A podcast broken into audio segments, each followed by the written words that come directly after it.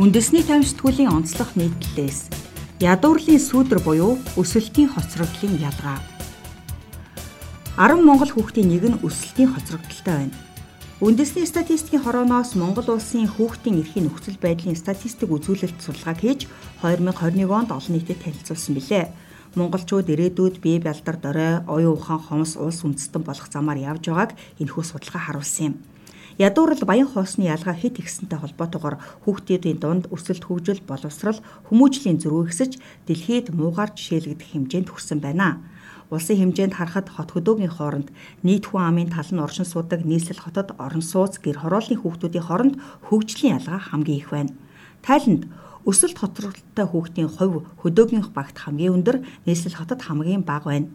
Гэхдээ Улаанбаатар хотын бага насны хүүхдийн хоолт хижээлийн дутлалын үзүүлэлт сууцны төрлөөр буюу өрхийн амжиргаанаас хамаарч маш их ялгаатай байгааг анхаарах шаардлагатай хэмээн дурджээ. Өсөлт хөгжилтөөс гадна боловсролын ялгаа мөн асар их зөрүүтэй байгаа нь аластаа тухайн хүүхдийн ирээдүйд олох орлогод сөргөөр нөлөөлж улсын хэмжээнд ядуурл газар авах ухтар нөхцөлийг бүрдүүлж байна. Энэ нь эргээд хөгжлийн хоцрогдлыг улам ихсгэнэ. Учир нь өрхийн амжиргааны түвшин доослох тусам хүүхэд ахлах ангид сурах нь багасж өсөлт хөгжил хоцрогдож хоол хүнсний дутагдалд орох магадлал өсдөг. Монгол улс хөгжлийн хоцрогдол, ядуурл, илүү хөгжлийн хоцрогдол, илүү их ядуурл гэсэн замаар замнаж байгааг харуулж цаашид дөрвтэй ажил хийхгүй бол болохгүй гэсэн тохиог өгснөрөө энэхүү судалгааны үр дүн маш чухал юм. Учир нь хөгжлийн хоцрогдолтой хүүхэд нэгдүгээрт анхаарал сулрах эмгэг, унж татах эмгэг, тархины ялгаатай байдлаас үүдэлтэй хөгжлийн бэрхшээл, оюуны хомсдол, сонсгол алдалт, хараа алдалт гэсэн 6 өвчнөр хэвийн хүүхдүүдээс илүүтэй өвчлөдөг байна. Монгол өрхийн 65% нь баталгаагүй хүнс хэрэглэж 23% нь хоол хүнсээр гачигддаг. Энэ судалгаагаар чухам ямар үр дүн гарсан болоод гаслаж гангинаад байгаа юм бэ гэж уншигч асууж магадгүй. Тиймээс энэ судалгааны үр дүн хийгээд дэлхийдээ харьцуулсан мэдээллийг одоо хүргэе. Өсөлтийн хоцрогдол улсын хэмжээнд 9% буюу 10 монгол хүүхдийн нэг нь өсөлтийн хоцрогдолтой байгааг тогтоожээ. Өсөлтийн хоцрогдол нь хоолт хүнс тэжээлийн дутагдaltaй холбоотой байдаг тул Монгол улсын хүн амын хоолт тэжээлийн тулгамдж байгаа асуудал үндэсний 5 дугаар тайланд судлаж үзтэл хүнсний баталгаат байдал алдагдсан өрхийн үзүүлэлт 65% та гарсан юм. 100 айл өрх тутмын 65 нь хоол ундаар найдвартай хангагдах баталгаагүй гэсэн үг.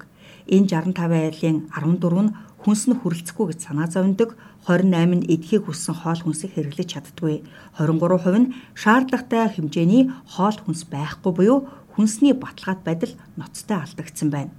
Судалгаанаас үтгэхэд Монгол улсын 3 өрх тутмын 2-ийнх нь хүнсний баталгаат байдал алдагдаж 5 өрх тутмын нэг нь хоол хийх хүнс алга. Ийм нөхцөлд хоол тэжээлээс үүдсэн хүүхдийн өсөлт хөгжилд тоцрохгүй гэж яах вүлээ? Анхдагч хэрэгцээ болох хоол шим тэжээлийн хэрэгцээгээ хангаж чадахгүй хүүхдүүд сурч боловсрох хэрэгцээгээ хэрхэн хангах вэ? Сүүлийн жилүүдэд Монгол улсад эхийн сүгээр хооллох явдал буурсаар байгаа. 2010 онд нийт нэлхсэн 66 орчим хувь нь эхний 6 сарын турш эхийн сүгээр дагнан хооллож байсан бол 2013 онд энэ үзүүлэлт 50 хүрэхгүй хувь болж буурсан. Үүнээс болж хүүхдийн дундах хөвчлөл ихссэн. Тэгэхээр Монголд онж мэндэлсэн хүүхэд төрөөд ихийн сүгүй арай томроод хоол тэжээлийн дутагдaltaй ирээдүйд бие сул өвчин эмгэгтэй ажил орлогогүй нэгэн болох магадлал их байгааз. Нэгдсэн үндэсний байгууллагаас баталсан доктортой хөгжлийн зорилтууд гэж бий. Энэ зорилтын нэгийн 8 10 дугаар зорилтууд нь ядуурлыг устгах эдийн засгийн хөгжлийг дэмжих, тэгш бус байдлыг арилгах, 2 3 дугаар зорилтууд нь үлсгэлэн устгах, эрүүл мэндийг дэмжих, 4 дугаар зорилт нь боловсрал, 12 дугаар зорилт нь тогтвортой хэрэглээг дэмждэг. Манай улс энэ зорилтыг биелүүлэх талаар хангалтгүй ажиллаж байгааг дээрх судалгаа харуулж байгаа юм. Чадамжгүй төр, чадваргүй сайд ирээдүрүүгээ буудаж байна.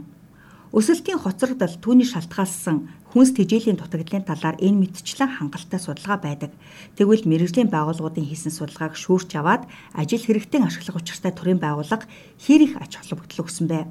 2017 онд хийгдсэн хоол тэжээлийн үндэсний 5 дугаар судалгааны хүрээнд Монгол улсын айл өрхийн хүнсний баталгаат байдалд нөлөөлж байгаа хүчин зүйлсийг гүнзгийрүүлэн судлах салбар хоорондын хамтарсан наривчилсан үнэлгээг нэг яралтай зохион байгуулах шаардлага тулгамдж байна гэсэн зөвлөмж ямартаж гаргажээ.